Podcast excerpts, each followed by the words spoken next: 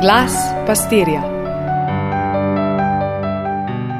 Lep pozdrav, četrta adventna nedelja.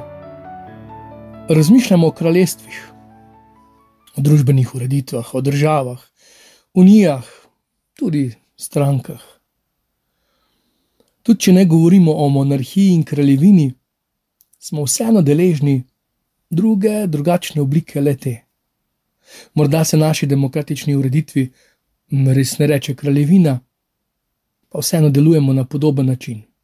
Nekdo je glavni, njegova beseda šteje, tja ga je v tem primeru postavila večina. Pa vseeno se lahko zgodi, kot za predsednika razreda, da ga tja postavi večinski lastnik, razredničarka.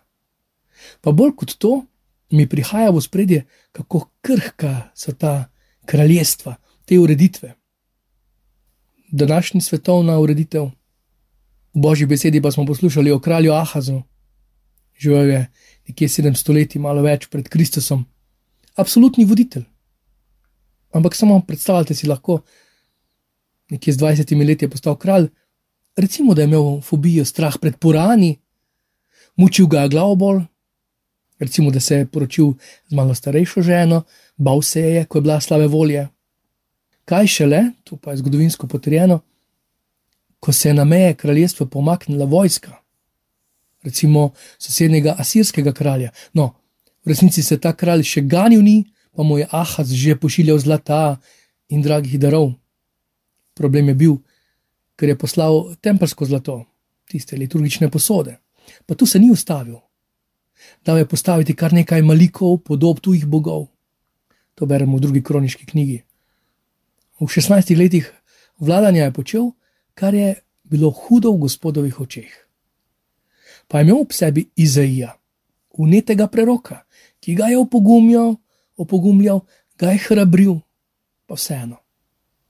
Govorimo, kako pomembni so voditelji, pregovor pa pravi: v vsakem dobrem kralju je dobra kraljica pa da ne bi po nepotrebnem dvigoval preveč prahu, lahko rečemo tudi obratno. Ob vsaki dobri kraljici je tudi dober kralj. Ko vsakodnevno molimo za mir v Ukrajini, se sprašujem, kaj še? Pomoč v Bogu. Kaj še? Kdo, kaj še? In kje se je sploh začelo? Kdo je vojno začel? Kdo je sprožil tisti prvi strel? Kdo je dal ukaz za ta strel? Kdo je stal ob strani in svetoval temu voditelju? Zanimiva je misel, ko se v dolgi, počasi primekajoči koloni jezimo na prvega, ki je ustvaril tako kolono. Misel pravi: ne jezi se na prvega, ne dela on kolone, on ne more drugače, očitno. Kolono naredi prvi za njim, on bi lahko kaj spremenil, pa tega ne stori. Kolono povzroča drugi v koloni. Zastoj povzročam, ko se na negodovanje odzovem z negodovanjem, na jezo z jezo. In glede na reakcijo, se lahko vprašam, kdo je moj svetovalec. Ali pa se mi zdi, da sem celo brez, pa se celo hvalim s tem, kar pomeni samo, da name lahko pliva tako rekoč vsak. Ko vidimo nekoga poklekniti, res pred Bogom, res poklekniti, je to znamenje, da ta ne bo več klečal pred drugimi. Kdor pa ne upogne kolena pred Bogom, ker je pokončen, ni rečeno, da ne bo klonil pred stisko, skušnjavo, ugodnostmi, privilegiji. Danes imamo pred seboj Jožefa. Sem že slišal cinične opaske, da je bil copata. Če to pomeni, da ni bil po takratni zadnji modi, da ni hotel biti glasen, udariti po mizi, da ni hotel imeti zadnje besede, če je to copata, potem ne vem, kaj je opozit temu, nasprotje temu. Ampak se tega drugega tudi bojim. Namreč Jožef je bil povabljen v soustvarjanje. Boga je povabil v čas, preden je Adam, njegov predhodnik, vzel stvari v svoje roke. Boga je povabil v svoje zamisel, v svoje avtorsko delo. Ko Bog ustvarja, takrat na začetku je Adam navdušen, opazuje, pa ni samo opazoval, kar je nastalo, ampak kar še nastaja. V navdušenju ni deležen samo kot opazovalec, Bog mu nameni so ustvarjanje in vlogo in poslanstvo. Bitja je lahko pomenoval, tako postal njihov gospodar. Ko pride k hiši naš novi ljubljenček, hišni, in če to darilo za otroke, kako vzhičeno mu izbirajo ime, zdaj je njihov. Vsaj v času navdušenja. Kaj je potem, ko je potrebno za njim čistiti, prevzeti roke, vajeti vzgoje, peljati na sprehod, takrat se zgodi, kot se je zgodilo z Adamom.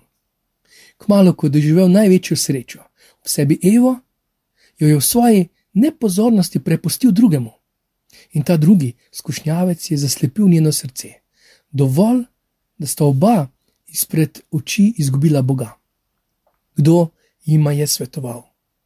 Koga sta poslušala? Kakšne so posledice?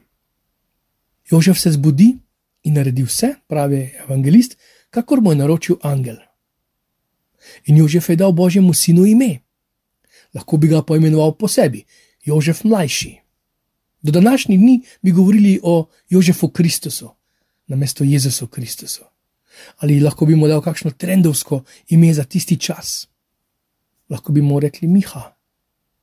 Kdo je Jožefu svetoval? Koga je Jožef poslušal? Zato še kako pomembno je, kdo je moj svetovalec, s kom se pogovarjam, komu zaupam. Kdo mi pomaga, da uresničim svoje življenjsko poslanstvo? Mogoče mi Gospod ne bo govoril v sanjah, zato pa ne spat. Govorimo mi po tistih, ki so ob meni, ki jim lahko zaupam, ki niso kralji in voditelji po človeški moči, ampak nosijo v sebi tudi si in bližino nebes. To poslušamo vse adventni čas, nebeško kraljestvo se je približalo. Ponovadi se to pokaže ta, ta, ta božji si, ko nastopi somrak, tema, stiska, nemoč. Pa ne čakajmo, da bomo samo izbirali dobre svetovalce. Bog tudi po meni govori mojim bližnjim, mojemu času. Recimo, prijatelja, znanca, lahko za novoletno darilo povabim na Alfa. Ali si jo privoščim tudi sam, če sem že bil kot služenje s tem res ne moreš zgrešiti. Božja bližina je zagotovljena. Kar pa se bo potem dogajalo s tvojim prijateljem in gospodom med njima, to ni več tvoja skrb, bolj tvoje veselje. Pa blagoslovljeno nedeljo in lep adventni teden. Hmm, si že bil pri spovedi? Samo vprašam, ker ne čakaj na maj. Vse dobro, z Bogom.